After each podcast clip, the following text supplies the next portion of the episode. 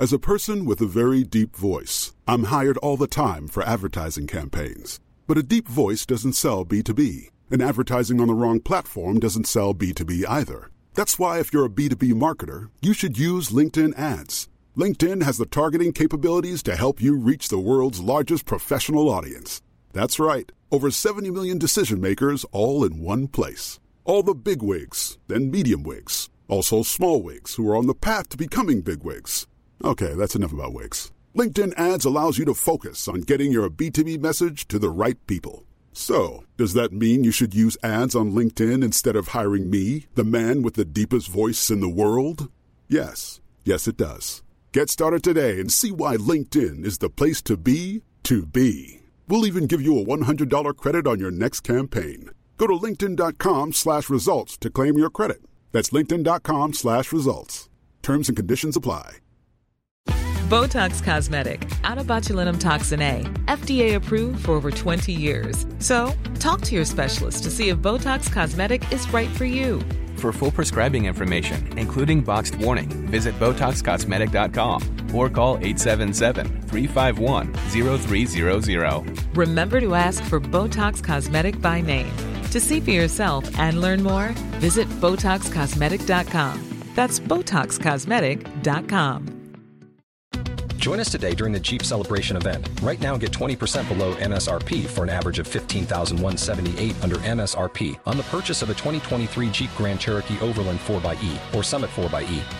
Not compatible with lease offers or with any other consumer incentive offers. 15178 average based on 20% below average MSRP from all 2023 Grand Cherokee Overland 4xE and Summit 4xE models in dealer stock. Residency restrictions apply. Take retail delivery from dealer stock by 4 1. Jeep is a registered trademark.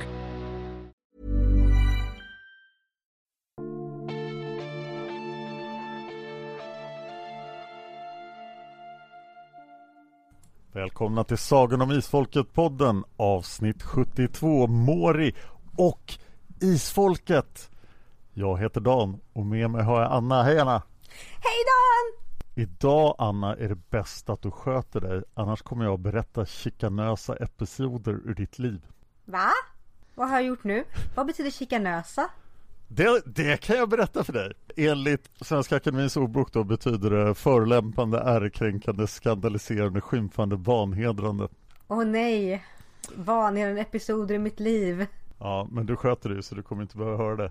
Ja, vad bra. Jag undrade ganska mycket över det här ordet när det dök upp på sid 107 i den här boken. Ja, det var en del konstiga ordbruk här. Ja, det är väldigt mycket konstiga ord i den här boken. Men det är ju jättebra bok! Ja, jag hade helt glömt bort hur bra den här boken var. För för mig har alltid det här varit en så här, ja ah, det är en mellanbok innan allting drar igång in i ljusets rike. Men den var ju superbra. Det är ju en orgie i fanservice. Det är ju bara återseenden och oh, karaktärer man har saknat hela tiden. Och Island! Så mycket Island! Ja, när, när skrevs den här boken? Eller när kom den ut? Nu ska vi se här. 95. 1995 ja. Ja, jag har ju nämnt att jag eh, bestämde mig för att inte åka med Margit till Island 96. Mm, hur känns det nu i efterhand då? Det känns ju ganska dumt. Mm. Jag spelade Magic istället. Kanske inte rätt beslut. Kanske inte rätt beslut. Jag kommer fortsätta peta på dig för detta. För jag tycker att det är så dåligt beslut. Jag tycker också nu att det var ett väldigt dåligt beslut. Men jag tror att Atti är en verklig människa och den guiden jag skulle ha träffat om jag hade åkt med Margit. Jag tänkte på det också för han är så otroligt fint och kärleksfullt beskriven. Så jag var övertygad om att det här måste varit en människa Margit har träffat. Det är fantastiskt att liksom hon får rum med en till Islands orgie, verkligen Islands geografi. Och det här är ju en rejäl islandsorgie för här så känns det som att det här är Margits egen resa hon beskriver på Island. Det är så mycket detaljer. Det är så mycket frossande i bilar och allt möjligt så jag blir helt jag blir helt överväldigad på ett bra sätt. Jag känner mig rörd. Det var i princip exakt så här den där resan skulle vara, vad jag förstod. Alltså Daniel, jag kommer alltid vara proxy-arg på dig. Jag är arg på dig och alla isfolksfans vägnar. Ja, jag ångrar det beslutet väldigt mycket. Jag ångrar det åt dig också. Ja, ska vi ge oss in i handlingen? Ja! Och vi lämnade ju i förra boken vid en jättekliffhanger både i Ljusets rike men det struntar vi i nu för de kommer inte med på några 200 sidor. Men det främsta var ju vi stod där i skogen med Nathaniel och Ellen och Gabriel och allting var så här jätteblå ljus skymningsmörker. Och det, vi landar ju i det igen i den här jättefina mystiska stämningen med Gabriel, Nathaniel, Ellen och allting är så otroligt mystiskt och finstämt på det sätt som bara Margit kan beskriva. Och jag förlåter henne nästan för att hon använder ordet UFO överdrivet många gånger. Ja, jag bara väntade mig att det skulle komma några rymdhundar men det gjorde det inte. Nej men det är... Gabriel var så här, ja, utomjordingar vågar ju inte komma hit för människor gör si och så. Jag bara, är det nu? Är det rymdhundarna? Men... Hur vet Gabriel det här? Sen när är detta då att isfolket har kontakt med utomjordingar? De enda utomjordingar vi har sett är ju rymdhundarna. Har Gabriel eller Nathaniel kontakt med rymdhundarna? Jag orkar inte med detta. I och för sig, Gabriel kan ha pratat med svartänglarna som nu verkar ha levlat upp och vet allting. De är plötsligt som uppslagsverk. Där de bara säger ja och det här hände då och det här hände då. Och jag bara men snälla människor eller svartänglar. Det här hade ni kunnat plocka fram ur röven lite tidigare. Att ni kan se allting som har hänt. Allting som har skett även när ni inte var där. Vad mycket tid jag hade sparat för isfolket. Lite grann. Men när vi tittar på den här scenen Mm. så vill jag ändå fokusera på Peter och Jenny. Ja. För de är ju otroligt laid back inför allt det här konstiga som händer. All, alla byggarbetare är också otroligt laid back inför det här. Bara, ja, det är sånt som händer. Margit lämnar ju en fin beskrivning till varför. För att de är så insupna i den här stämningen av att någonting är fel. Men de står ju liksom ändå fakta klar att de står på bakgården av deras hus en bit upp i skogen och gräver upp en odöd eller en odödlig häxmästare. Och ingen tycker det är liksom så här. Oh my god vad konstigt det här är. Jag skulle ju fundera på, liksom, borde man inte underrätta myndigheter eller något? Kanske det. Det känns ju som att någon borde ha tänkt vi kanske ska involvera polisen. Eller någonting. Men tänk dig in i den här situationen. Du har alltså köpt ett hus, det är någon dålig stämning i det, det kommer dit en massa galningar och säger att det händer konstiga grejer och sen vill de ha fram Marco för att fixa det. Och då är Peter och Jenny så här, jaha. Och så frågar de lite om Marco, så här, varför behöver du hjälp av Marco? Frågar de. Och så kommer de fram till att Marco kan. Och så säger Jenny, jag förstår det så att den som ligger begravd här är olycklig. Det, det är en ganska, ganska laid back reaktion. Bara, Ja, särskilt som Nathaniels förklaring för detta. För man hade kunnat lägga fram det på två sätt. Nathaniel hade kunnat säga Marco är min släkting som också har speciella förmågor. Punkt och slut. Men Nathaniel som aldrig har beat around the bush väljer den långa förklaringen att Marco föddes in i jätten långt före min tid. Vi hjälptes åt i kampen men Marco som till råga på allt är odödlig valde att lämna vår värld. Han var en prins från de svarta salarna. Utan att jag går närmare in på det nu. Och Peter bara jaha. Ja, ett förnuftigt par hade ju tänkt så här, oj vad det är här för galningar, hur ska vi kunna betala vårt bolån? Men Peters nästa replik är så här, när någon påpekar att onda kan kämpa mot varandra. Då blir Peter lite road och säger Gangstervälde! Åh oh, tack, vi känner till sådant. Och vi bara ursäkta Peter och Jenny vad, vad har ni för smutsigt byk i era garderober? Ja, vad, vad är deras bakgrund? Hur kan de reagera så här på det här? Jag förstår så väl vad Margit vill. För jag tycker att hela den här boken är också ett utmärkt sätt att introducera isfolket och historien för nya läsare. Det är superbra gjort. Det är mycket att hon skriver för alla oss som läser. Men hon skriver ju också på det här sättet att vilka andra normala människor som helst hade ju varit så här. Så du säger att din odöda, odödliga släkting som är en prins av de svarta salarna ska komma hit och hjälpa att mana upp den odödliga häxmästaren. Ja, okej. Okay. Låt mig bara gå in i hur ska jag ringa ett samtal nu bara. Hej polisen, vi har några galningar här. Kan ni bara komma hit och bara, ja, ta bort dem just nu? Exakt. Precis. dessutom verkar det här trigga att Nathaniel blir besatt av Margit och börjar moralisera på sid 10. Men leve skadeglädjen Dan! Från ingenstans bara viskar Nathaniel för sig själv. Världen är full av människor som försöker att göra sitt bästa, att uppföra sig anständigt och vara vänliga, omtänksamma och hjälpsamma. Det finns så många flera som delar med sig än de som ska ha betalt för att skriva sitt namn, fotograferas, ge en handräckning eller bara visa sig. Världen är full av de fina, de strävsamma, de goda. Det här står han alltså och mumlar för sig själv där efter att ha funderat på isfolkets höga etiska värden. Fokus Ja, och jag tror vi alla kan vara eniga som har läst Isfolket att Isfolket har jättehöga, bra etiska värden. De är genuint goda människor. Men som du säger, här är det ju Margit som står och moraliserar.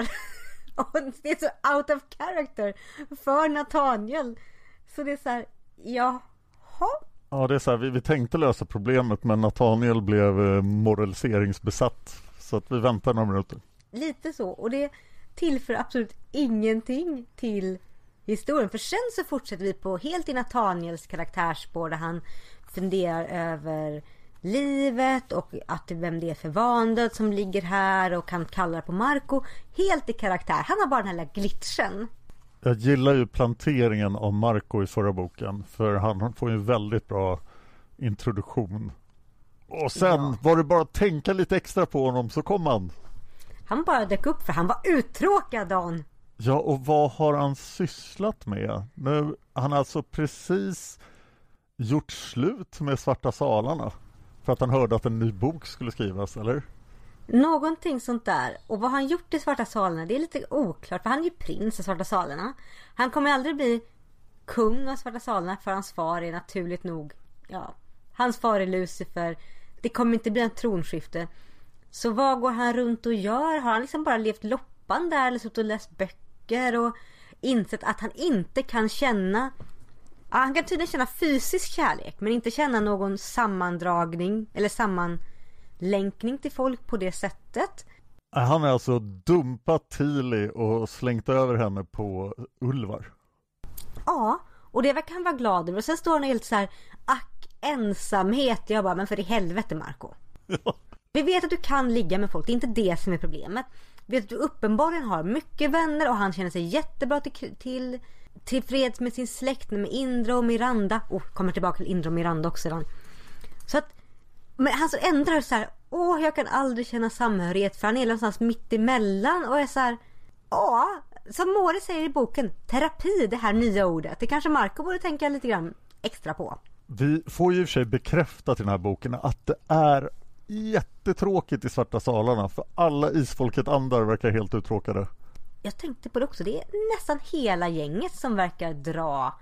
Och de enda jag kom på som inte, jag, som inte är där förmodligen är alla de som inte är drabbade och utvalda. Vilket är väldigt väldigt praktiskt för Margit när hon vill väva ihop det här. Hon bara plockar de karaktärerna som hon tycker är bra. För alla var på ett ställe och nu flyttas de. Ja, vad hände egentligen med, med de andra? Jag vet inte. Det, det, de, de andra bor väl kvar i Svarta salarna. Kom verkligen alla till Svarta salarna? Jag kommer inte ihåg. Ja, eftersom alla oavsett om de var drabbade eller inte kom till Svarta salarna. Okej, okay, jag misstänker att folk kommer att börja dyka upp i Ljusets rike i kommande böcker.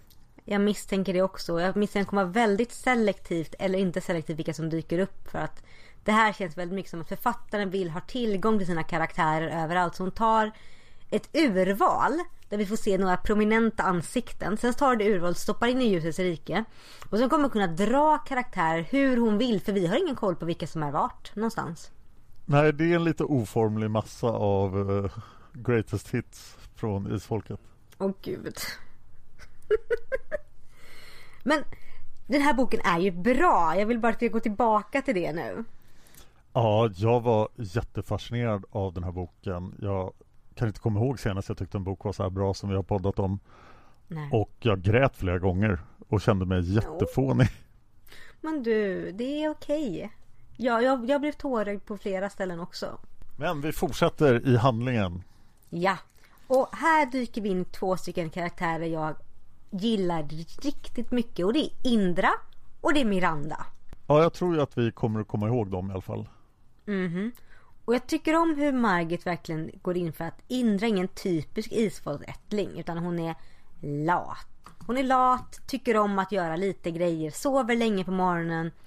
Miranda känns som att en del av det har vi sett just när förändra världen lite äldre men hon känns också ny. Både Indra och Miranda känns som lite fräscha fläktar i annars lite så här och gamla karaktärer och den jättestereotypa karaktären Bodil. Jag kände igen en hel del av vad, hon, vad Margit skrev om Bodil. Jag, bara, jag har läst det här i en annan bok innan.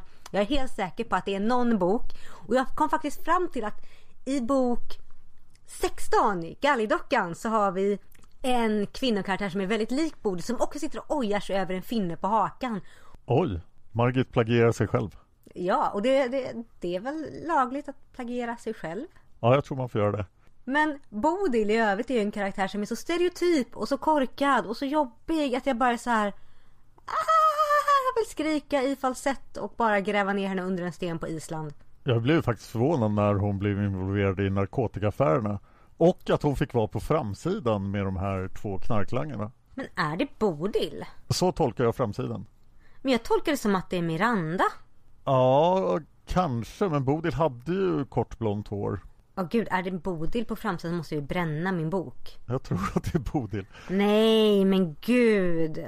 Hur tolkar ni lyssnare framsidan? Knarklangarna är det ju uppenbarligen i alla fall. Det är ju inte Indra för Indra har mörkt hår så det är antingen Miranda eller Bodil. Jag måste ge Miranda jättemycket cred när hon kom till Ljusets rike och bara konstaterade att här finns det sociala orättvisor. Ja, äntligen någon som tänker på detta. Taran hade väl tänkt på det också, men Miranda gör det och det är dags för en revolution i Ljusets rike. Hoppas den kommer senare. Och som vi har behövt en revolution. Och överlag jag karaktären Miranda när, hon blir, när vi blir introducerade för henne är Jag tycker hon är superfräsch i tänket Hennes tro på sig själv, hennes driv att hon vill göra gott i världen men också lite självkritiskt att jo, jag har nog varit på demonstrationer där jag inte vet vad de gäller. Hennes sinne för naturen och stora kärlek till allt som lever och att det verkar vara hon som har fått isfolkets dolda förmåga. Och hej och hå, det här gillar vi. Det lilla arvet. Det är arvet utan de coola gula ögonen men hon har ju det uppenbarligen. Jag tycker också att både Indra och Miranda kändes väldigt moderna jämfört med tidigare karaktärer. Och det kändes bra. I förra boken när vi introduceras till tonårsgänget så kändes de väldigt De kändes väldigt platta Inte jättemoderna mm, Så jag var lite orolig bara, hur ska det gå nu för Margit att skriva karaktärer i en science fiction bokserie? Också att flytta sig till nutid Men det här känns som helt vanliga tonåringar Ja, betydligt vanligare än Titsunga och liknande och Armas. eh, Ja, Armas ska fortfarande inte ha en laserpistol Ja, det dröjer ända till sid 221 innan laserpistolen dyker upp. Och det blir inget pew pew alls i den här boken. Nej, för hans far kommer och säger nej, du fick inte döda någon med den. Och jag bara, men lilla farsgubben, din son har ju skurit upp ett hål i muren med laserpistol. Det kanske inte är att han ska ha ihjäl folk du ska vara orolig för här. Okej, nu går vi händelsen i förväg. Tillbaks till uh, Mori som vaknar. Ja, och det är så fint! Och jag blev tårögd här. Jag kände bara att, åh, saknat dig Mori. Och när han inser också att han är bland vänner, det är isfolket, men också när han inser att det har gått 250 år. Då fick jag ont i hjärtat. Ja, det här är ju värsta bakfylleuppvaknandet någonsin. Han är, det har gått 250 år. Han har ett stort hål i sig. Och eh, hans son är borta. Resten av släkt har sprungit igenom portarna. Han ska bekanta sig med nya världens elektricitet och saker. Han gör det bra Mori, det får jag säga. Han är förvånansvärt adaptiv här. Ja, då, det känns ändå realistiskt. Det känns som riktiga reaktioner. Mm. Och det här med att luften och att andarna sa att så här, miljöförstöringen skulle sabba grejer. Konstaterar att det har hänt. Japp, det har hänt. Jag tycker det är väldigt fint också när jag är smått road över hur eh, lätt byggfirman och Peter och Jenny bara jaha, nej men vi pratar inte om det med tidningarna så går livet tillbaka till som vanligt, hej då. Och man bara jaha. Jag tror att de har en poäng i att tidningarna inte skulle tro på det i och för sig. Mm. helt klart en poäng men de tar det så otroligt lätt. Men det är en fin avskrivning av hela den historien. Jag tyckte att just att, att Margit blandade in Jenny och Peter och bygg, byggarbeten i det var fint. För sen så ska vi ut och leta efter Dolg. Och Mori är väldigt målmedveten där. Väldigt målmedveten. Men det är väldigt tur att de har med sig Marco som kan känna i marken om Dolg har stigit av eller inte. Ja, alltså jag, jag skulle vilja ha en lista över allting Marco kan. Jag tror inte det finns någonting Marco inte kan i dagsläget. Nej, det känns som att han nu har tagit över andarnas roll också. Ja. Bara han kan saker när plotten kräver. Jag är glad ändå att Margit la in elementet när Dolk står på marken så kan han känna av, annars inte. För annars hade det blivit helt obalanserat dumt i huvudet.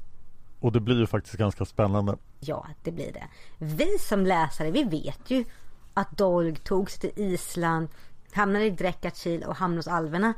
Men jag kom på mig själv flera gånger att sitta och vara sitta liksom längst ut på soffan och vara otroligt så här, men vart är, vart är det Dolly har tagit vägen? För att Margit beskriver det så bra och jag känner också Morris förtvivlan varje gång som är så här, nej men vi kanske inte hittar honom, vi vet inte vart han är.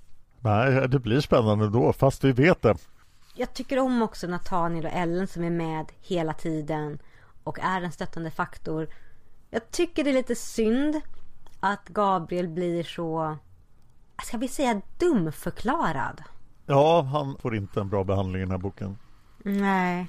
Så här, den, den oredige, eller den ostyrige tonåring med all ängslan som är nu plötsligt lite Ja men lite naiv och lite dum och förstår inte och förstår inte varför alla blir sura när han bjöd med Bodil till Island och när alla signaler bara men gud gör inte det här, ser inte dina döttrar avskyr henne. Någon social kompetens får du väl ha, människa. Vad gör Bodil i den här boken överhuvudtaget? Alltså jag blir inte klok på henne som karaktär för hon är ju en klassisk Margit-karaktär som ska skrima och få vad hon vill. Men hon är också så otroligt korkad. Ja, hon kanske ska svetsa huvudkaraktärerna mer samman genom att vara liksom ett första konfliktprov för dem. Men hon är ju bara jobbig. Ja, och Margit etablerar ju väldigt tidigt att Marco känner sig hemma med sin släkt, att de är så här tror det är han, Indra och Miranda som är att de förstod varandra fullkomligt. Så det är ju liksom ingenting som behöver lappas ihop. En del är mer så här, hade vi behövt Bodil och knarkhistorien? Kanske inte. Gör det det hela lite mer spännande och en källa till frustration där jag sitter och vill strypa Bodil med en sked? Absolut. Ja, jag tror att Margit inte kunde stå emot frestelsen att stoppa in en typisk Margit-skurk. Mm. Det som stör mig med Bodil som sagt är att hon är så korkad. De flesta andra stereotypa karaktärer av den här stilen eh, som Margaret stoppat in i böckerna har ett mål. De vill sno en man, de vill hålla fast eller de vill skada någon. Bodil verkar bara vilja ha allt och hon är så dum. Det är lite samma problematik som i Häxmästaren. Alltså de, de enda skurkarna som finns i den här boken, förutom främlingarna, är Bodil och två knarklangare. Och de har ju aldrig någon chans. De har aldrig någon chans. Överhuvudtaget. Men jag är väldigt glad att Bodil avpoliteras så snabbt när de kommer till Island. För jag var så här, nej, jag vill inte ha massa drama i bilbaksätet. Och jag är glad att Margit kanske insåg det också, att det här blir inte bra. Så hon bara så här, puff, hon får inte plats i bilen, allting är bra. Och så drar vi in Addi som, bak, som sidokaraktär istället.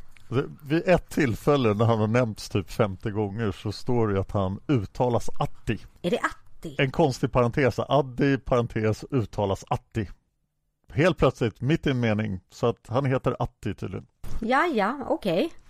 Atti, då, uttalar jag, då ska jag uttala rätt här efter. Men jag, jag, sagt, jag älskar Magis beskrivelse över Attis specialbyggda Ford Ekon, Eknoline. Det är så mycket motormys här. Och jag känner verkligen att det här är Maggie som har stått vid sin isländska guide och bara skrivit ner allting och bara mm, hur, hur mycket växlar? Hur eh, har den extra bensintank, GPS och Lora C och VH, VHF-frekvens för fridrumskanaler och jag bara så här wow. Ja, GPS i isfolket var ju att man hajar till men det är det förstås, det är 90-tal. Mhm. Mm och många antenner på taket en, en del är mer så här att ja, hur ska det bli att komma tillbaka till Island? För vi har ju varit där rätt mycket i tidigare häxmästarböckerna. Framförallt i bok nummer två, tror jag det var. Ja, det får vi betalt för nu med referenserna till de tidigare besöken och vi känner igen vissa platser och det är bara helt fantastiskt. En del av mig känner att det hade varit kul att läsa om just bok två innan jag läste bok två Häxmässan innan jag läste om bok två i Ljusets rike. Just för att Margit lyckas med något som jag känner som är lite ovanligt här för att det är att hon lyckas beskriva samma resa fast på ett helt nytt sätt och hon får mig att känna samma känsla som mår lite den här sorgsenheten över en period som aldrig kommer tillbaka samtidigt som det är en lättnad över att hur enkelt det är att resa runt och lite som att återse gamla vänner. Ja, verkligen. Och man får ju intrycket av att det har gått 250 år. Definitivt. Jag måste bara inflika att eh, GPS för kommersiellt bruk verkar ha lanserats i maj 94 så att det var verkligen sprillans nytt här. Oj! Ja, då är det verkligen imponerande. Jag tycker om också hur mycket Margit väver in om så här, stenen som är liksom mitt ute, ute på Sprängdisandur. Ja, det låter tillräckligt bra. Stenen som ligger där som alven inte kan flytta på. Hon, hon gör så mycket självklara och väldigt enkla referenser till det här livet på Island som vi alla känner till genom tidigare böcker. Och det blir nytt för att de är i bilen och det är en bekväm tur och de stannar på bensinmackar och turiststugor och sådär. Och i bakgrunden har vi det här knarkmysteriet. Ja, Kalle Blomkvist-fasen och boken. ja, vad händer Dan? Vad är det? Var, varför har vi ett knarkmysterium? Bodil bestämmer sig för att smuggla knark för att få ihop pengar. Ja, det går inte så bra. Nej, hon är för lat för att göra det ordentligt. Ja, kan vi inte bara gå vidare? Jo, vi går vidare. Så de rotar runt på Island, de letar och de försöker hitta Dolgs spår. Och det är ju svårt för att de måste verkligen... De måste ju hitta där han har klivit av. Men efter ett tag så Join us today during the Jeep Celebration event. Right now, get 20% below MSRP for an average of 15178 under MSRP on the purchase of a 2023 Jeep Grand Cherokee Overland 4xE or Summit 4xE. Not compatible with lease offers or with any other consumer incentive offers. 15,178 average based on 20% below average MSRP from all 2023 Grand Cherokee Overland 4xE and Summit 4xE models in dealer stock. Residency restrictions apply. Take retail delivery from dealer stock by 4 1. Jeep is a registered trademark. lyckas de få upp spåret. Yes. Och det här, nu har det också kommit så långt in i boken att att eh, de har då fått eh, fälla fasaden framför Atti och säga då att jo den här mannen från 1700-talet vi letar efter det är ju egentligen Moris son då. Och jag är odödlig, han är odödlig, vi letar efter portar och bla bla bla bla bla. Så det här är lugnt va? Ja, han verkar också ganska chill med det. Jag tycker om hur Margit beskriver att Atti hade medvetet begravt sitt förnuft för en tid för att tänka de här konstiga människornas banor. Antingen var det med samling förrymda dårar eller också måste han godta deras historia. Han föredrog det sista. Det blev enklare så. Ja, han kanske reagerade likadant på Margit när de träffades i verkligheten. Åh, det hade varit fint. Jag vill inflika att det verkar ju som att det är ljust hela dagen när de är där. Ja, verkligen. Polcirkeln går norr om Island. Har de inte midnattssol? Nej, inte på riktigt. De är nog ganska nära midnattssol, men de har inte midnattssol som ja, Karesuando. Bo. Ja, ja, det är synd. Jag tycker om midnattssol. Jag kan tänka mig att det blir väldigt nära midnattssol. Men med Atti ombord på hela mysterietåget så kör de ju vidare och de försöker hitta De försöker hitta allting och så. Och de får ju dela med knarklangarna som försöker ta till fånga Indra, sen Miranda. Och sen springer de hit och dit och de blir inbrott och så. Men det, det struntar vi För de ska till Dräckakil. Där vi vet att Dolg var senast. Ja. Och nu blir det lite seans igen. Och vi har ju tidigare sett att Miranda har magiska krafter. Eller i alla fall känner av saker. Och här blir det ju väldigt starkt. Jag tycker det här är en så fin scen för att tekniskt sett, Mori och Marco och Rentalen hade nog kunnat lista ut det här på egen hand. Men de väljer att låta Miranda ta lid i detta. För att hon är den som tänker mest nära till vad Dolg eh, försöker göra och ta kontakt med honom. Ja, det gillar vi.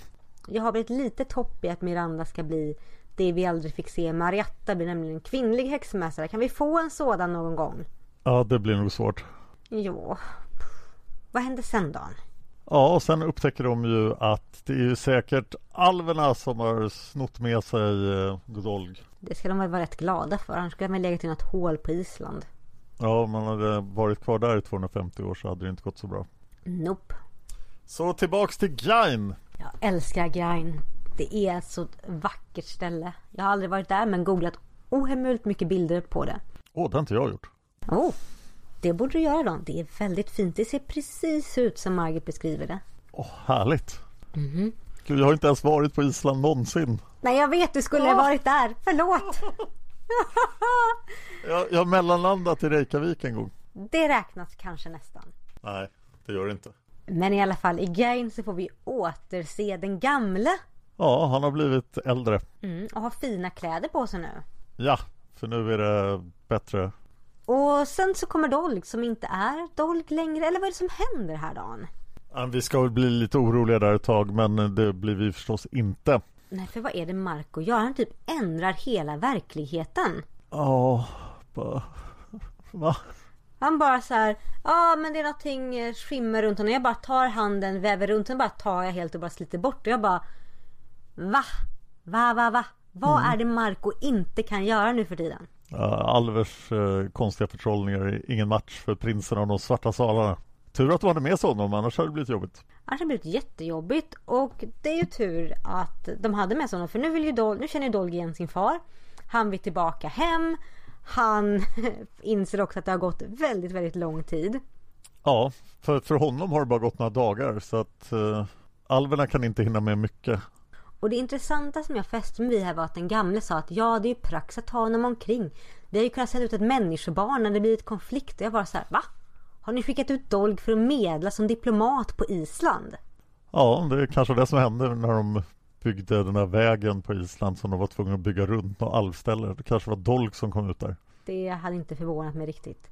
Och sen tycker den gamla att ja det finns ju portar här. Det finns en port under en gökel. Och man bara nej, inte porten under göken. Det bara kryllar av portar men han, han känner bara till den. Mm. Så in under göken! In under göken. Och här blir det lite, lite spännande innan dess för att när de ska dit så blir ju Ellen och Nathaniel tillbaka kallade till Norge. För deras barnbarn har kommit till rätta. Sasa! Mm. Och här vill jag också bara ta en liten parentes för att om det är några i hela Isfolkesagan, ja det, det är många Isfolkesagan jag önskar få ett lyckligt liv, men jag önskade ju verkligen Nathaniel och Ellen ett riktigt lyckligt liv. Och i början av boken så känns det som att de, att de hade fått det, för de nämner att de har haft 34 eller 35 goda år. Och sen får vi reda på att deras dotter inte vill ha kontakt med dem för att hon är hennes man är någon slags hittepå-sektledare någonstans som inte tycker om magi så han kan ju bara ta och avgå. Abel Gard hade varit stolt över honom. Abel Gard kan ju ta och någonting, någonting, någonting. Och deras son har tagit livet av sig och deras enda barnbarn har blivit illa skadad och fick en med vatten över sig. Så jag bara, va? Sjukt mörkt. Jättemörkt! Och jag är lite i chock. För jag bara så men, men, men, men, men, men. Skulle, hade inte de haft goda och bra och fina år? Var det inte trevligt det här? Och det som, kommer, det som kommer tillbaka nu är deras barnbarn Sassa som är brännskadad. Ja, då måste de ju åka tillbaka. Mm, och Gabriel åker tillbaka och Indra åker tillbaka. Och sen så tycker Miranda att hon ska ju med ner under göken. Ja, det känns lite random.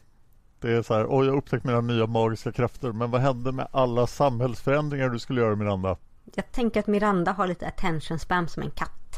Ja, det kan nog vara sant. Mm, hon bara shiny thing, shiny thing, shiny thing. Oh, gökel, oh, dolg, oh, Marco. Man bara oj, oj, oj. Man får ge henne lite att det liknar en demonstration. De ska tåga in under göken och protestera. Mot vad? Oklart. Men det finns en detalj ungefär här som jag måste diskutera.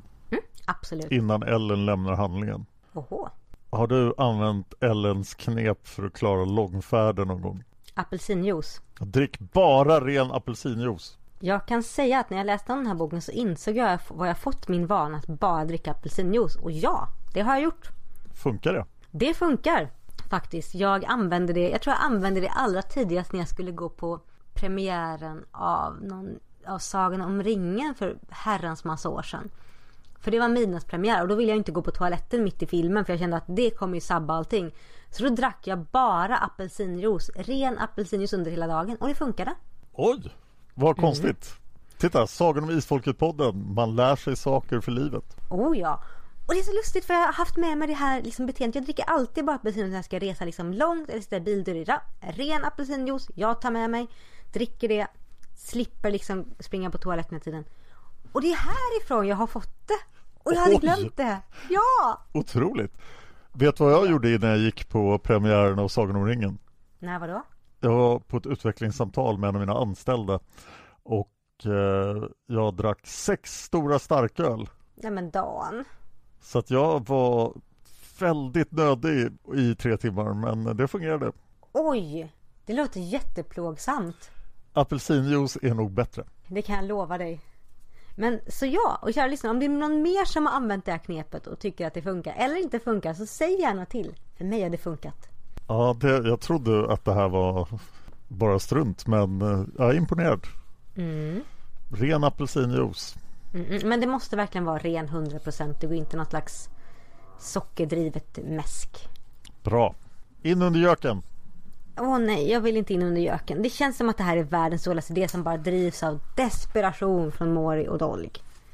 För de har klätterutrustning och de ska ner och isen rör sig och här här får jag både flashback till isfolket när de ska in i isfolkets dal under göken och jag får såna klaustrofobi-vibbar från när Siska klättrade in under berget. Margit är ju extremt bra på klaustrofobi. Och här lyckas hon för här står de ju instängda till slut.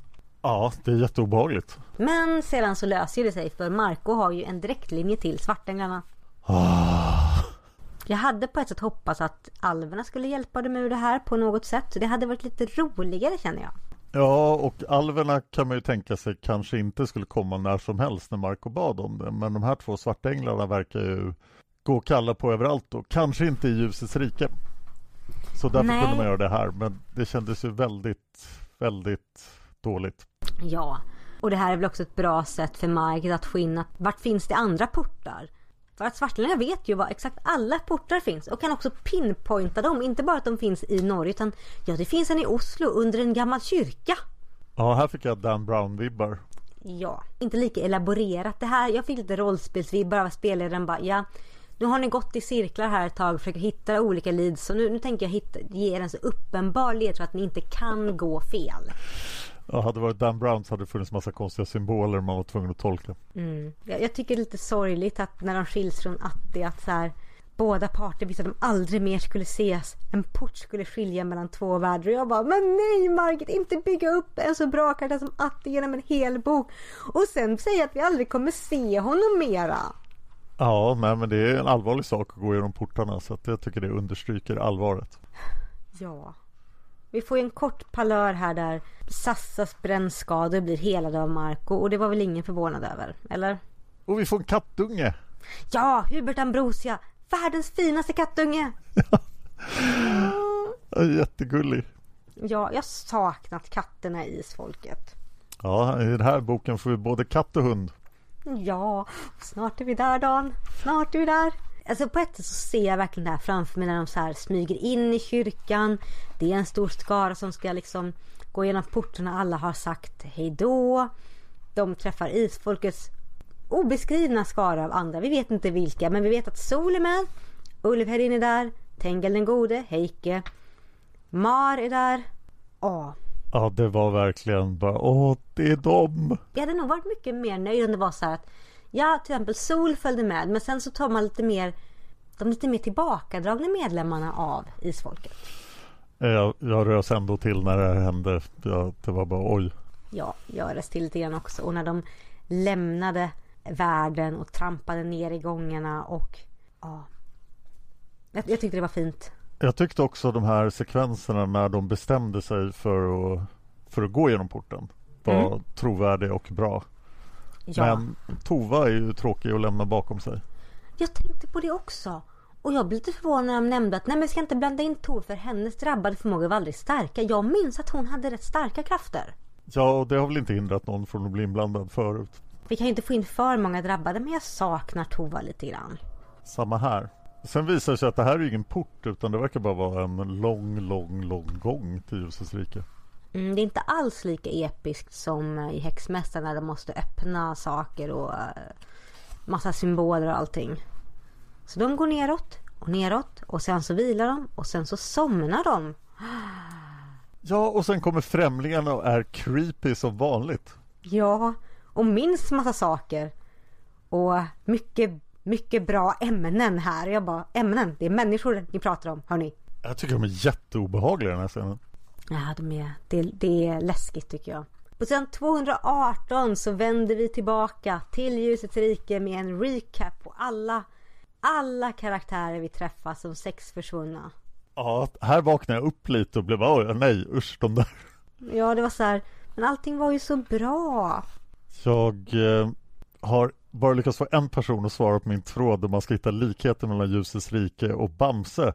Så nu ska jag komma med en annan liknelse om ljusets rike som jag tycker stämmer ganska bra in på hur det beskrivs i den här boken. Åh gud, vad ska du förstöra för mig nu? Är inte ljusets rike ganska likt Teletubbies? Det finns hus. Men Det finns Dan. åkrar som ser lite konstgjorda ut. Och så finns det en stor läskig sol. Jag är så kränkt nu över det här. Nu har du förstört hela ljusets rike. Jag kommer inte kunna tänka på detta. Är det, säger du det att främlingar dansar runt och sjunger Teletubbies och Tinky Winky med varandra? Nej, det är det främlingarna vill att folk ska göra. Ja, Precis som nej. Teletubbies hölls i slaveri av någon, förmodligen producenten. Åh gud. Men Dan, det här är jättejobbigt. Min hjärna. Och jag antar att du har hört det där att eftersom det var så enkelt att spela Teletubbies så tog de in typ hemlösa och gjorde det. Va?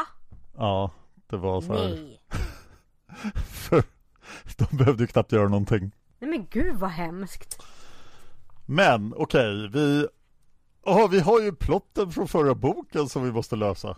Ja just det, de här sex ungdomarna som har varit borta, skurit ett hål i muren, räddat Siska, fått fatt i Titsunga eh, och hans ekorre.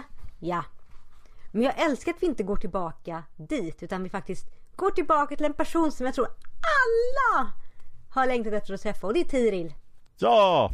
Och här känns det som att för första gången jag känner och ser den riktiga Tiril. Ja, faktiskt. Det här är genuin Tiril-reaktion hela vägen igenom. Här är det första gången jag känner hur orolig hon har varit. All sorg hon burit på. Också hennes enorma glädje. Och här grät jag lite grann.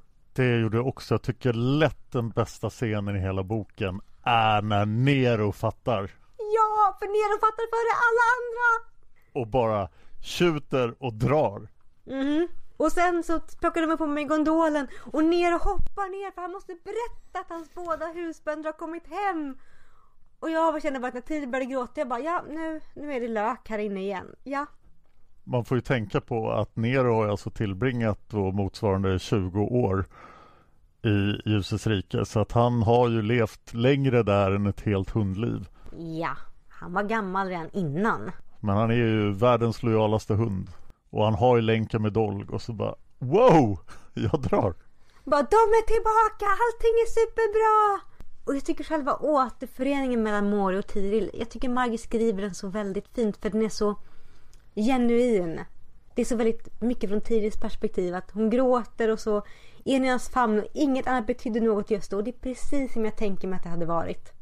Ja, den är jättefin. Men sen hade vi den där plotten från förra boken som måste lösas. Åh, gud.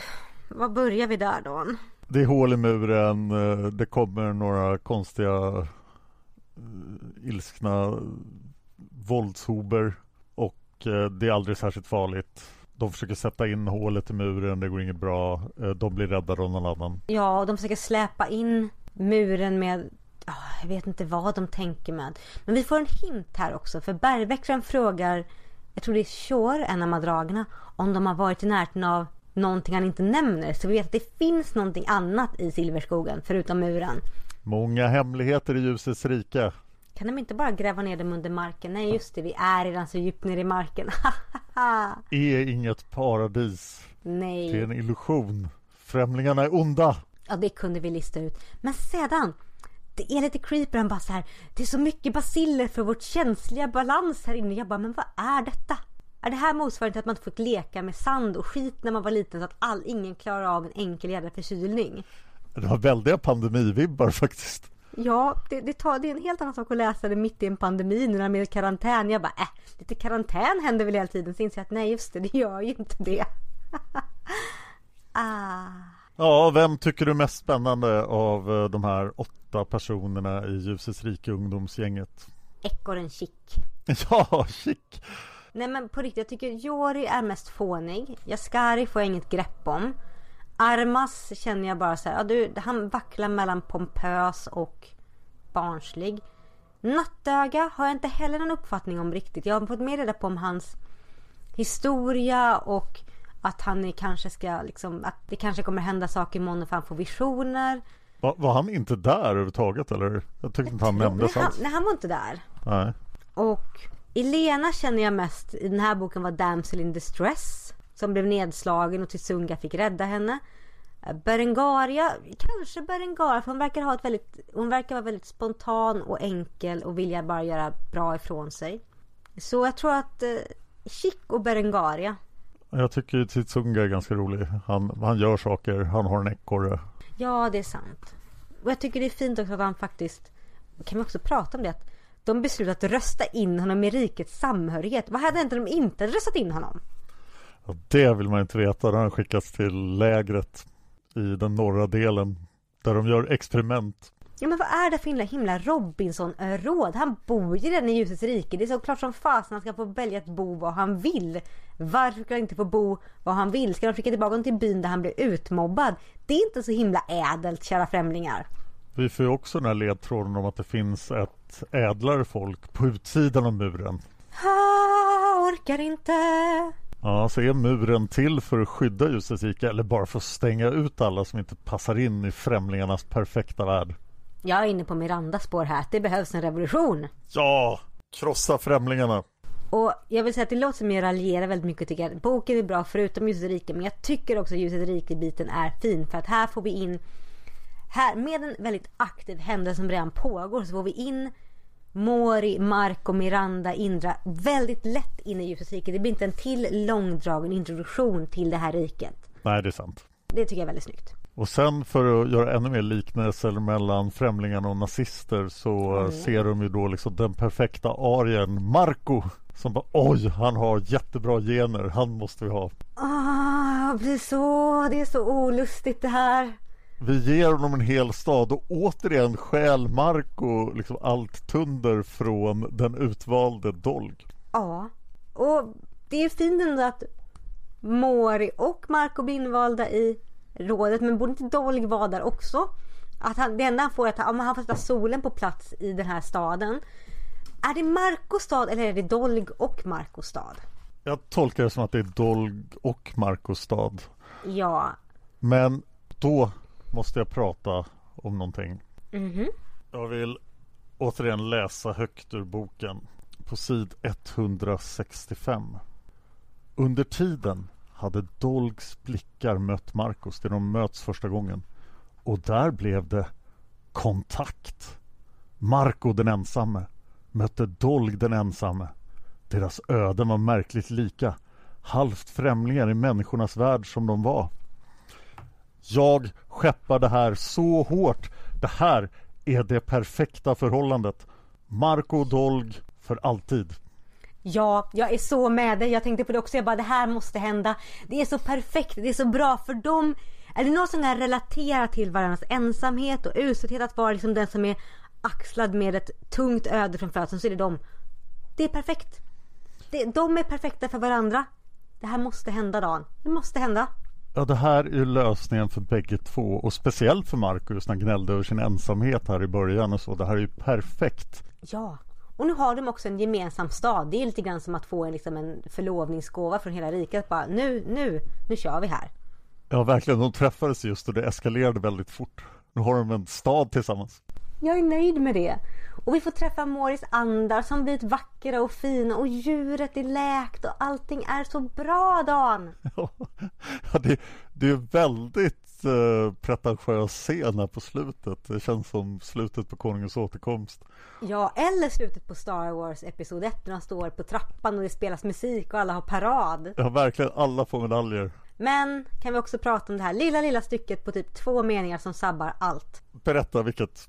Jag läser på sidan 251. Förresten Dolg.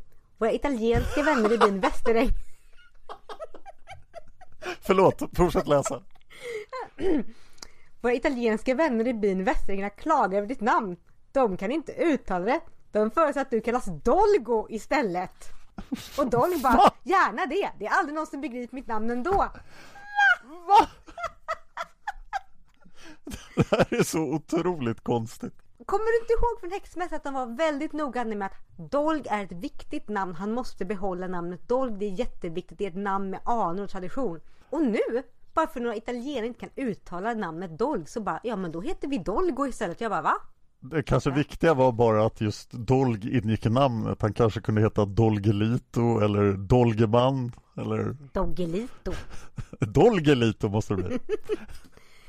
Men alltså vad händer här egentligen? Det gick så bra Dan. Vi fick en jättebra bok. Vi är inrikesrike, vi har återföreningar.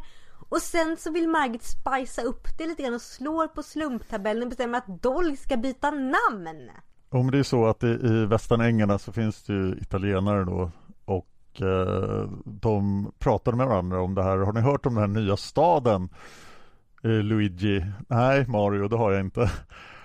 Eh, den, det är någon som har kommit som heter Va, Vad hette han sa du? Nej, det går inte att uttala. Vi måste framföra ett klagomål till främlingarna på att den här utvalde killen har fel namn som vi inte kan uttala eftersom det inte fungerar för någon som från grunden var italienare trots att vi har de här språkbrickorna. Ja, och det är det, de har språkbrickorna och de är ändå bara så här, nej, han måste byta namn. De är så här, va? Va? Frå det här skulle vi ha frågat Margit om när vi träffade henne. Ja. För det här är ju superkonstigt. Ja, det var så mycket vi skulle frågat henne om. Men just Dolgo verkligen så här, hur tänkte du här Margit? Var det här liksom någonting som du bara... Jag, jag kan inte för mitt liv förstå varför hon tyckte att det här var en bra idé. Men tänk den här scenen i ett annat verk med flera delar, typ Narnia. Ja, det är jättekult att det finns ett lejon som fixar allt, men folk från Färöarna kan inte uttala hans namn. Så att, kan du inte heta Aslano?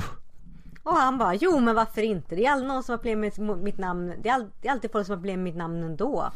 Han bara, det finns andra som heter... Ni har en snubbe som heter Bergsväktaren. Ja. Eller då Aragorn kommer för att ta kronan i Minas Tirith men då kan inte uttala hans namn så han får heta Aragorno. Och sen byter ju Margit namn på honom också. Så nu heter han ju Dolgo. Ja, och det är jättekonstigt för det är inte så att det blir så här, ja men alla italienare kan honom utan han, han står här och alla accepterar detta bara. Och jag kan också tycka att det är lite pissigt av den här gamle mannen att fråga Dolg detta inför alla människor. För Dolg kanske tyckte att fasen jag vill inte säga någonting. Men nu, nu verkar Dolg vara okej med det. Men den gamle bara utmärkt så heter du det. Och så är det bara ja, ha? Ja, det är supermärkligt och nu står vi inför ett svårt dilemma. Ska vi nu kalla honom för Dolgo eller inte? Och vi måste nog fråga lyssnarna om det här. Ska vi fortsätta kalla honom Dolg? Eller ska han nu heta Dolgo? Eller kanske Dolgelito? Dolgelito. Ni får svara på vår Facebook-sida. Herregud. Och jag tycker det förtar lite av det här fina ögonblicket när vi får möta skuggan igen. Och Dolg får, jag kommer kalla honom Dolg i det här avsnittet, men Dolg får liksom stiga upp och avtäcka solen. Och så istället för så är det Dolgo, den ensamme. Och jag bara nej, orkar inte. Nu är boken slut. Ja, det, det, är verkligen märkligt. Det är också fascinerande hur mycket det här verkligen känns som en avslutning och ett slut. För att det finns inte något uppenbart problem som det finns ingen cliffhanger. Det är nu alla ljusets rike. Det blev jättebra. Ja, det finns ingenting som är så här, men utanför lura mörkret. Det finns ingenting. Så jag är lite nyfiken på vad nästa bok kommer ta vägen. Jag hoppas att den har laserpistoler. Pew pew! Jag önskar att någon ruskar om främlingar så att vi får lite perspektiv på hela det här. Allting är fint och bra här i ljusets rike. Bara ni gör som vi säger. Störta främlingarna inför demokrati. Revolution! Jag har en anteckning kvar på hela boken som jag måste Yes. ta nu, även om det inte passar alls här. Och det är Akureyri, den här staden på norra Island. Som Islands andra stora stad som eh, 2018 hade 18 542 invånare. Och jag var tvungen att kolla upp det och upptäckte att det är den fjärde största staden på Island men de två andra som var större var bara ja, typ var på väg att växa ihop med Reykjavik. Och alla Jaha. de tre stora ligger i sydväst. Akureyri ligger precis på mitten av norra Island. Det ser verkligen super-off ut. Men de har tydligen en vattenfri hamn där som är jättebra. En vattenfri? Nej, vad säger jag? Isfri hamn. Jaha, för jag var så här, en vattenfri hamn. Det Vattenfri låter... hamn. Inte lika bra som en isfri hamn. Och det var viktigt i andra världskriget att eh, sätta massa allierade grejer. Ah, ja. Intressant. Ja, har du någonting du vill tillägga om Mori och isfolket? Nej, jag tror det var allt. Det har varit mycket konstiga språkbruk i den här boken. Mycket upprepningar om ufon och vad var det du sa? Chikanösa episoder ur ditt liv. Precis. Men överlag, visst, jag har varit lite irriterad på Bodil som är en väldigt platt karaktär. Men jag hade inte velat ta bort henne för allt i världen för att det gör det hela lite mer spännande. Margit kan. Ja, fast det, det var det som kändes mest så här, typiskt Sanne Mois den här boken. Allting annat var ju jätte, jättebra. Vi har fått en iTunes-recension. Oj! Den kommer från Malinskis som gav oss fyra av fem stjärnor. Åh, och skrev rubriken Minnen med texten Minnen från tonåren väcks till liv med lika delar skam och humor. Tack för det Malinskis. Tack så jättemycket. Den enda iTunes-recensionen vi har fått i år. Har ni inte lämnat en iTunes-recension så gör det om ni lyssnar på Isfolket-podden på ett Apple-device. Ja, vi blir väldigt glada för det. Och fler människor kan upptäcka podden och det tycker vi alltid är trevligt. För då har vi fler människor som att diskutera med och också njuta av själva ljusets rike med. Sätt gärna ett betyg på podden också. Det här är fortfarande den av mina 14 poddar som har högst betyg på iTunes. Så att ni, ni verkar gilla det vi gör. Damn! Tack folket! Och på tal om folket så har vi frågat vårat, våra kära lyssnare lite frågor som vanligt. Och vi frågade vad de tyckte om boken, favoritögonblick och vilken som är deras favoritkaraktär. Och vi glömde att ge dem en deadline för att svara och ändå var det jättemånga som svarade. Tack Oj så då. jättemycket för det. Förlåt, vi ska uppdatera posterna på forumet. För om ni går in nu så ligger det uppe poster för nästan alla böcker. Så gå in, svara på det, häng med oss. Första svaret kommer från Blodsänd som säger Den här boken är nog en av mina favoriter i hela serien. Älskar att vi äntligen får träffa isfolket igen i slutet av viskningen. Det känns verkligen som att komma hem till en kär familj och ännu mer när Marco i den här boken kommer in till frukosten på hotellet. Det finns så mycket att säga om hur den här boken så jag vet inte var jag ska börja.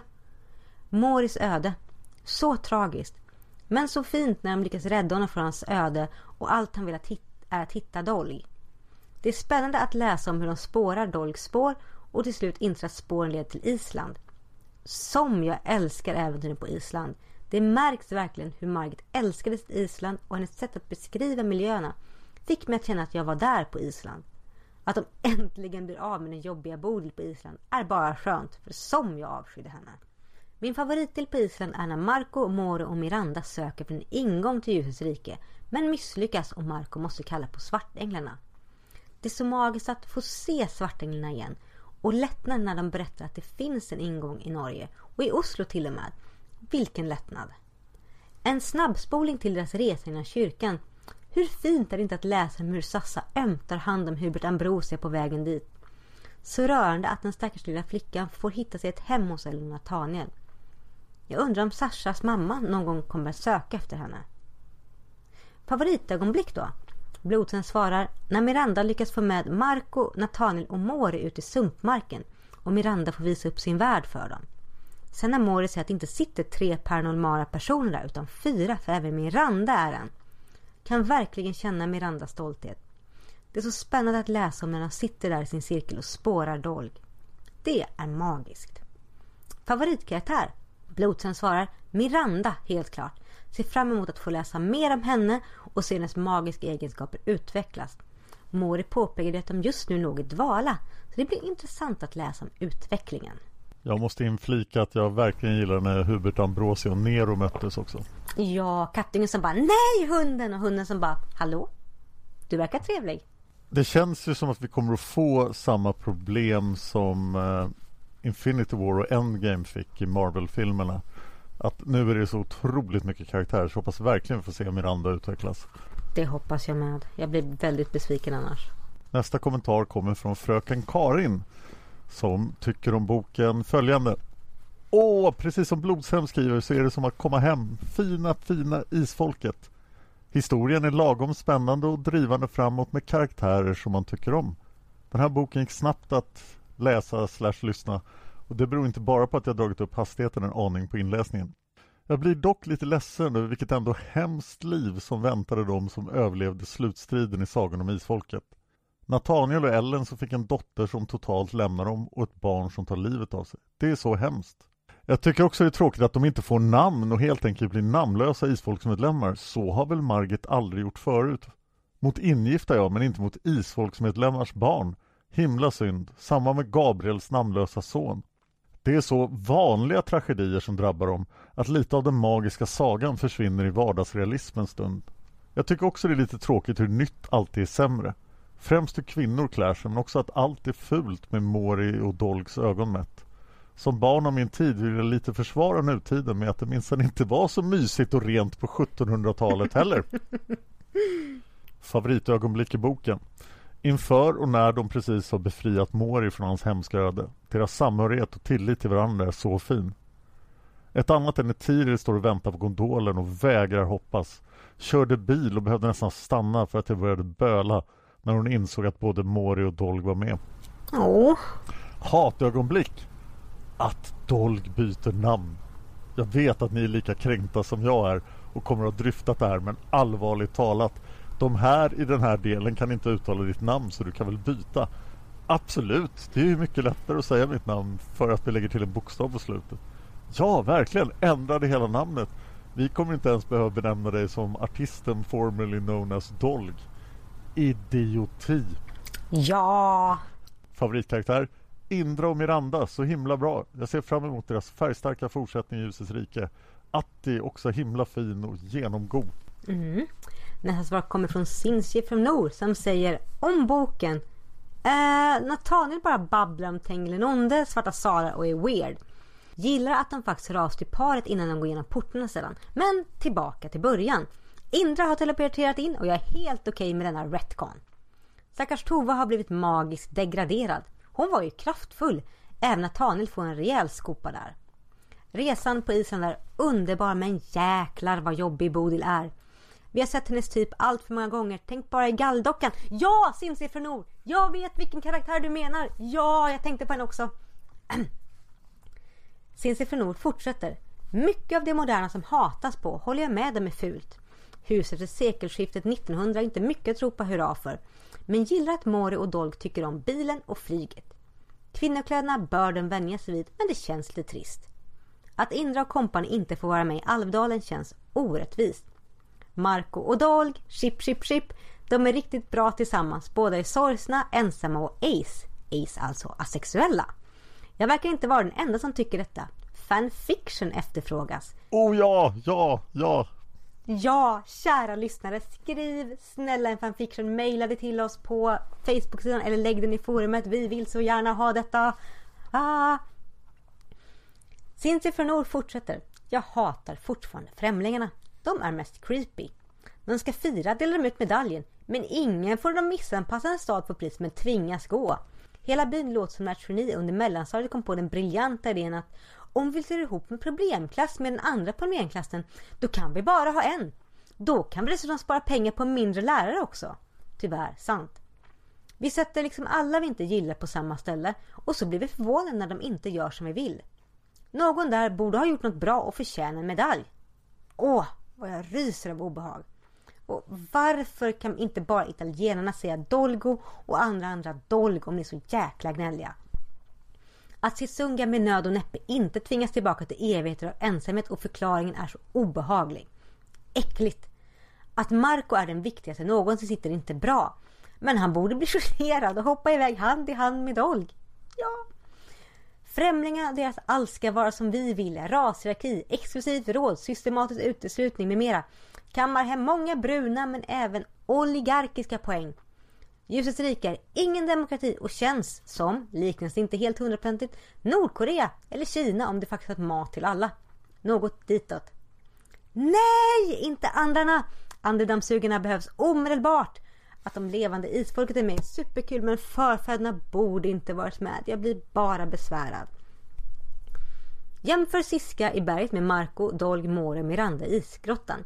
Dels är de omåttligt korkade som insisterade men jag är aldrig rädd för dem. Samtliga är magiska, Marco och More är riktigt overpowered och det är bara att använda linan ring en vän så löser sig allt. Favoritögonblick? Cynthia Fenor säger Resan i superjeepen, naturen, interaktionen i baksätet med mera. Favoritkaraktär? Indra! Hon är en underbar blandning mellan relaterbar, rolig och charmig. Atti är riktigt bra och det känns som att han är baserad på någon Margit mött. Tycker det är synd att han med familj inte följer med in. Han hörde ju ändå hemma på Island känner man. Ja, men jag förstår. Jag tycker också han borde följt med in. Ja, vi skulle vilja följa honom igen.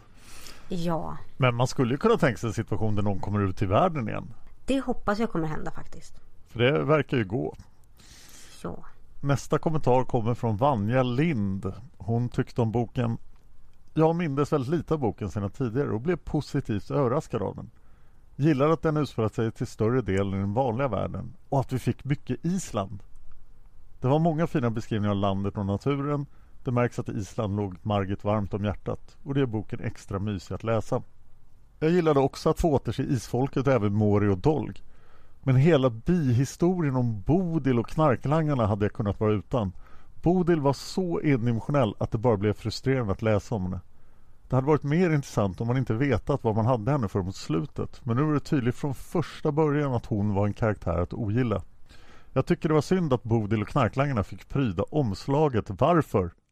Om jag nu inte tänker helt fel, men kan inte se det som några andra. Det finns ju så många starka scener i boken som hade passat bättre.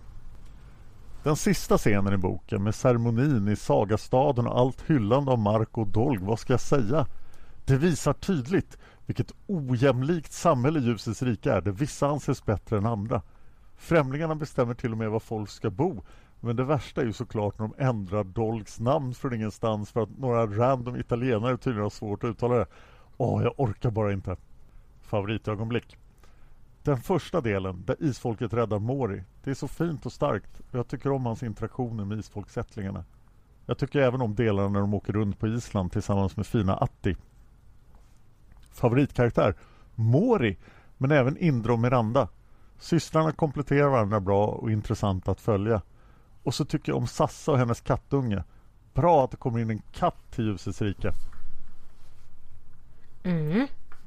Nästa svar kom från Magnus Vandraren som säger kanske bästa boken i denna serien. Man får återse isfolket. Räddningen av Mori och hur han sedan spårar upp och räddar Dolly är riktigt bra. Sedan när man får höra om resterande isfolket som bor de svarta salarna och att några av dem följer med till ljusets rike. Jag har ändrat lyssnat på ljudböckerna och jag tror att man kanske får mer info i vanliga böcker om till exempel vilka av isfolken som följer med till de svarta salarna. För det var väl inte endast drabbade och utvalda? Jag ställde ungefär samma fråga i podden för bok 47. Är det någon där ute? Och då sa ni i podden att ni skulle svara reda ut den frågan i bok 2, Ljusets rike. Ehm, Magnus, jag kan säga så här. Det står inte mer tydligt i böckerna, i bok två, vilka det är som följer med in. Och jag hade trott att det faktiskt skulle redas ut här. Men det gör det inte. Och jag tror att min och Dans lilla spåning om att Margit medvetet skriver lite vagt för att hon vill kunna hala fram vilka karaktärer som helst. Den tror jag vi nästan får gå mellan för i dagsläget så har vi ingenting mer. Jag håller ögonen öppna efter Silje. Ja.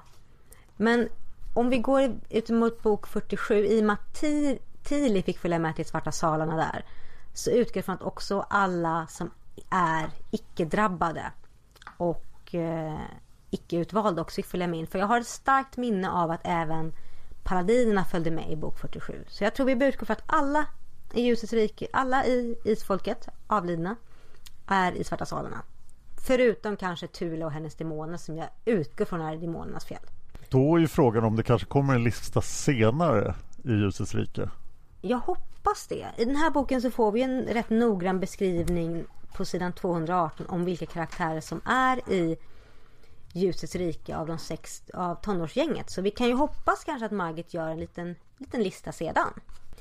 Magnus Vandraren fortsätter och säger Bästa händelse är när Mori blir uppväckt av Marco och när Mori och Dolk återförenas med sin familj i ljusets rike.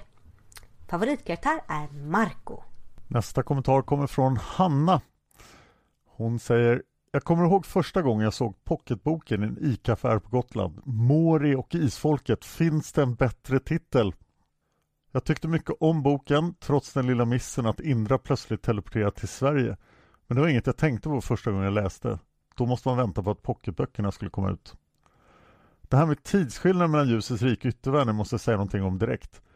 Min teori är att Margit kom på det just för att föra samman Isfolksagan med Häxmästaren.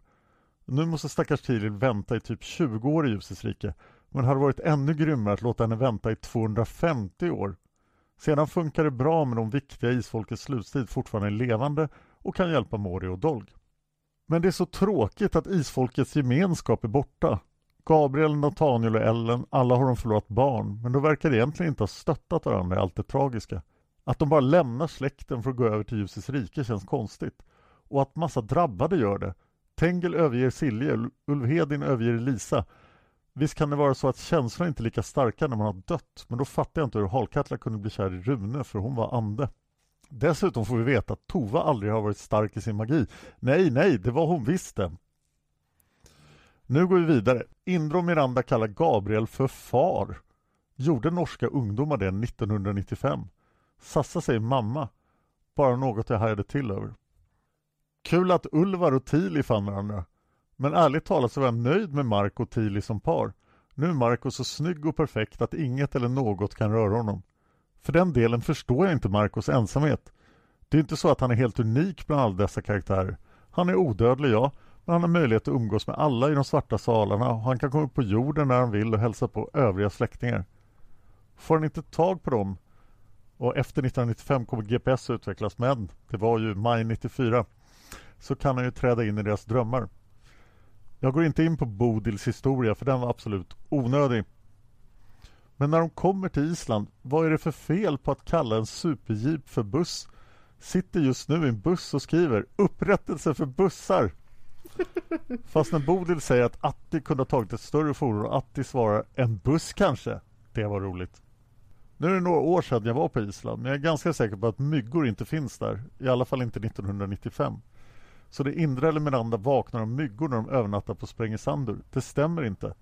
Om inte annat finns det jävligt envisa småflugor som vill krypa in i alla kroppsöppningar. Alla islänningar är så bra. Inte ens i arresten när Bodil sitter där är det bara utlänningar hon hör. Kom igen Margit, jag älskar också Island men allt är inte svart och vitt. Jag poängterar mycket av bristerna i Margits verk men jag gillar dem fortfarande. Det är först nu jag tillsammans med podden fått upp ögonen och ser de älskade böckerna med nya ögon. Jag rundar av med efter hela Häxmästaren. Varför ska det vara så svårt att ta sig in i en kyrka i Oslo för att finna portarna? Liten sak, n-ordet har blivit utbytt till svart i ljudboken. Jag lyssnar samtidigt som jag kollar boken. De som redigerade ljudböckerna har gjort ändringar tidigare för att det ska funka bättre. Jag tycker att det är bra, men vad tycker ni andra? Då måste vi svara. När var n-ordet med i boken? Jag funderade på det också. Jag sitter och bläddrar rätt frenetiskt. Det jag tänker mig är att det kanske är för att beskriva Marco. Ja, det är det förstås. Och det var, stod inte i boken heller. Nej, han Och det är lite mörk, konstigt. mörk som natten utan att vara jordisk färgad ras. Det här var en annan sorts mörkhet. Fast min bok är utgiven 2002 så jag, så den är nog andra utgåvan. Så de kanske Mm. ändrade det där. Min bok är från 98. Och du såg inga n-ord. Nej, jag tittade på bara första beskrivningen av Marco på sidan 18. Och gud, sedan funderar jag på vart det kan stå i övrigt. Jag gjorde just ett avsnitt av Massmördarpodden där två hela afroamerikanska samhällen blir utplånade 1920 av Ku Klux Klan. Mm. Och då var det ganska många n-ord jag fick byta ut. Mm. Kan jag säga. Jag skulle säga att jag tycker det är Jag tycker det är väldigt bra att de i ljudböckerna har bytt ut n-ordet mot svart. Eh, just för att det är ett väldigt starkt laddat ord. Det var inte det på samma sätt när Margit skrev böckerna. Det vill jag att alla ska komma ihåg att Margit absolut inte på några sätt var rasist överhuvudtaget. Utan det, hon var ett barn sin tid. Hon använde ett ord som många använde på den tiden.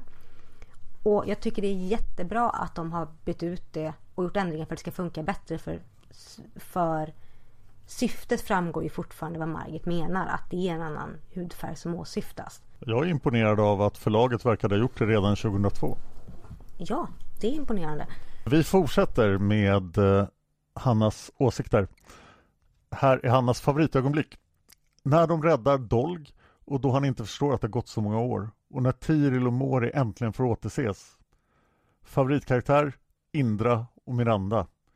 Avslutar med Dolgo! Nej! Bara nej! Det låter som den optimala diskmaskinen. Men eh, Dolg skulle gärna få komma hem till mig och diska. Oho. Sista svaret kom från Monica. Som säger Först av allt vill jag bara säga att ni är så gulliga. Jag myser så väldigt med podden och släpper allt jag har i händerna för att lyssna när den postas. Åh, vad fint Monica. Jag hör att det kommer till fler norska lyssnare och det är ju jättebra för vi älskar ju alla våra, vi älskar ju allas våran kära Margit. Och ni blir bättre och bättre på att läsa norska. Väldigt bra. Tack så mycket. För oss norska läsare är det mycket lättare. Vi har ju vuxit upp med Pippi, Båtsman och Svensktoppen från när vi var barn. Och det var bara att lära sig svenska så vi skulle förstå vad som varit sagt. Och då vill jag inflika att sprid gärna podden i Norge om ni känner folk som gillar isfolket. Det gäller ju Sverige också så berätta om dem för podden. Ja. Eller berätta för dem om podden. Mer än gärna. Sprid den till så mycket människor i Norge som möjligt. Vi vill gärna att den kommer ut till så många som möjligt så vi kan prata om böckerna tillsammans med så många av er som det går. Och Monica säger en sak till. Jag tittade upp Siskas stam lite mer som hade varit där i två sekler och eftersom ett sekel är ett millennium så betyder det att de bott i mörkt cirka 2000 år. Mm -hmm. Så över till bok två, Mår och isfolket. Jag har alltid tyckt att denna bok var både bra och dålig. Mycket från Island som jag tycker väldigt mycket om eftersom jag har varit där själv och känner mig hemma när jag läser om gruppen sökande efter dolg. Men för att de ska komma dit så tycker jag att sökandet, uppgrävningen och häxman tar väldigt lång tid i boken. Kära vänner. Kanske är de lika länge på isen i boken men det känns kortare eftersom det är mer handling. Men här måste jag komma med lite inspel. Det nämns i boken att svartänglar som kommer tog med Saga för att de skulle överleva. Men hur kunde de då rädda Moharen i de norska fjällen när han var i färd med att dö? Detta hänger inte ihop. Vad är det som händer här? Har ni några tankar? Hmm. Monica syftar ju här på bok nummer 45 där Svartänglar räddar Ian Moharan. Eh, ja, Dan. Ja, men Svarta Änglarna är ju tyvärr, även om deras ankomst är episk i den här boken så är de bara en räddare i nöden som behövdes för handlingen. De kan som vanligt som Margits räddare lite det de behöver kunna för att rädda folk. Mm. Jag skulle säga att de svartningarna kan det som Margit riktigt vill att de ska göra och i bok 29 Isfolk så passar det med att Saga fick försvinna ut ur serien. Och här i bok 45 i Isfolket passar det med att Moharan fick leva vidare och här passar det med att de får ut folk ur isen. Så att tankarna om svartningarna är väldigt blandade Monica. Ja. Monica fortsätter. Men nog om det. De ska in i ljusets rike från Oslo. Det är kul. Här bor jag och jag tror att den går igenom gamla Ackerkyrkan. Någon annan som har förslag? Oh, intressant. Kära norska lyssnare. Säg gärna om ni tror att det är gamla Ackerkyrkan eller någon annan kyrka i Oslo. Monica fortsätter. Måste bara nämna detta. Jag tycker det är fint att de tar med nästan hela släkten. Men som ni har sagt förut, jag reagerar kraftigt när de sover och främlingar kommer och målar dem i en slags konstig värld som människor som och menar att den här gruppen är mycket bättre än de andra som har varit där. Usch! Jag gillar inte det som jag tänker som jag kallar för rasenhet eller synen på människovärde. Främlingarna säger på sidan 214 i den norska boken Makt, sa den ena.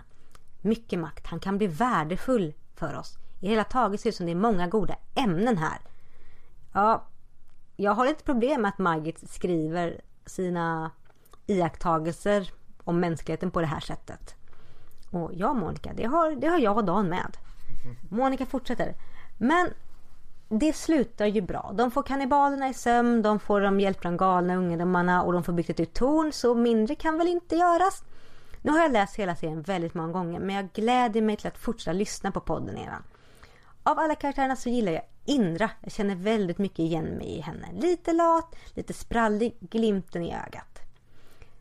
Och de jag, lik, de jag gillar minst, det måste bli Främlingarna. Jag tycker de visar lite mycket tendenser att vara gudar och det tycker jag inte om. Störta Främlingarna, revolution nu! Det är vad vi hoppas på i nästa bok då. Men tack så jättemycket alla för så mycket fina synpunkter fast vi glömde skriva en deadline och vi ber om ursäkt för detta. Och vi tjatar inte ens på er heller som vi brukar. Nej, herregud. Nu ska vi tjata på lite extra inför bok nummer tre. Får vi se hur många svar vi får där. Ja, vi ska dessutom sätta en deadline för den, men det gör vi efter poddandet. Och vi ska tacka alla våra Patreons för vi ligger stadigt över 100 dollar vilket innebär att vi fortsätter vår färd in i ljusets rike. Och det har kommit en bunt nya Patreons så jag tar ett djupt andetag för vi vill tacka Sarah Weiner, Maria Boman, Anna Bengtsson, Amanda Westerlind, Elaine Annasdotter, Kickan Ahlström, Jenny Johannesson, Elin Olausson, Elin, Johanna Gustafsson, Anna Järedal, Josefin Westman, Lisela Lihaven, Hanna Eriksson, Maria Samuelsen, Eidan L Rydhammer, Elin Lindqvist, Ingrid Johansson, Julia Mason, Solveig Gudnadottir, Desiree Lindmark, Monica Nyhus, Magnus Rask, Maria Andersson, Mystika Ferry, Alba Lundström Ramirez, Hanna Naversjö och Karin Källström. Stort tack för att ni stöttar oss här. Och nästa gång är vi tillbaka med bok tre i Ljusets rike som heter Miranda leder revolutionen. Gör den det? Nej, den verkar ha en annan titel här. Åh nej! Så det har blivit något fel. Här står det att den heter Flickan som inte kunde säga nej. Miranda kan ju säga nej. Ja, men hon kan inte säga nej till revolution. Det måste vara det hon menar. Vi får vår revolution ändå hoppas vi på. Det ska bli spännande. För som du sa Dan, vi vet ju inte vart det går. Margit har ju lämnat oss utan en cliffhanger så det kan ta vilken riktning som helst nu. Ja, det kan ju bara bli bra, eller hur? Ja, det kan det bara bli. Gud, jag är så pepp Dan. Så pepp! Ja, det kommer bli fantastiskt. Mhm. Var kan lyssnarna hitta mer av dig, Anna? Man kan hitta mig på Facebook. Jag har en Facebook som heter Sesuna Seras. Man jättegärna får gå in och följa mig på. Sedan så är jag de här dagarna mest aktiv på Twitter. Där heter jag Anna Seras. Gå jättegärna in och följ mig där så blir jag glad. Och jag finns på Instagram som Setsuna Seras. Och Dan, var hittar man mer av dig? Ja, mig kan man för närvarande inte hitta på Facebook. Eh, men man kan hitta mig på Twitter, på Instagram och på Youtube. Och alla ställen går att skicka meddelanden på. Jag heter ju Dan Hörning så jag är väldigt lätt att hitta. Jag tittar dessutom in på Isfolksforumet ibland. Mhm. Det var det vi hade idag. Nu beger vi oss in i ljusets rike. Vi har isfolket på plats. Vi har häxmästaren och hans son på plats. Och vad kan gå fel Dan? Jo, vi har ju främlingarna. Men Och, och nu kan italienare uttala Dolgos namn. ja, vi måste prata om det här till nästa avsnitt Dan. Alltid ett nöje Anna. Ta hand om dig så hörs vi nästa gång. Hej då!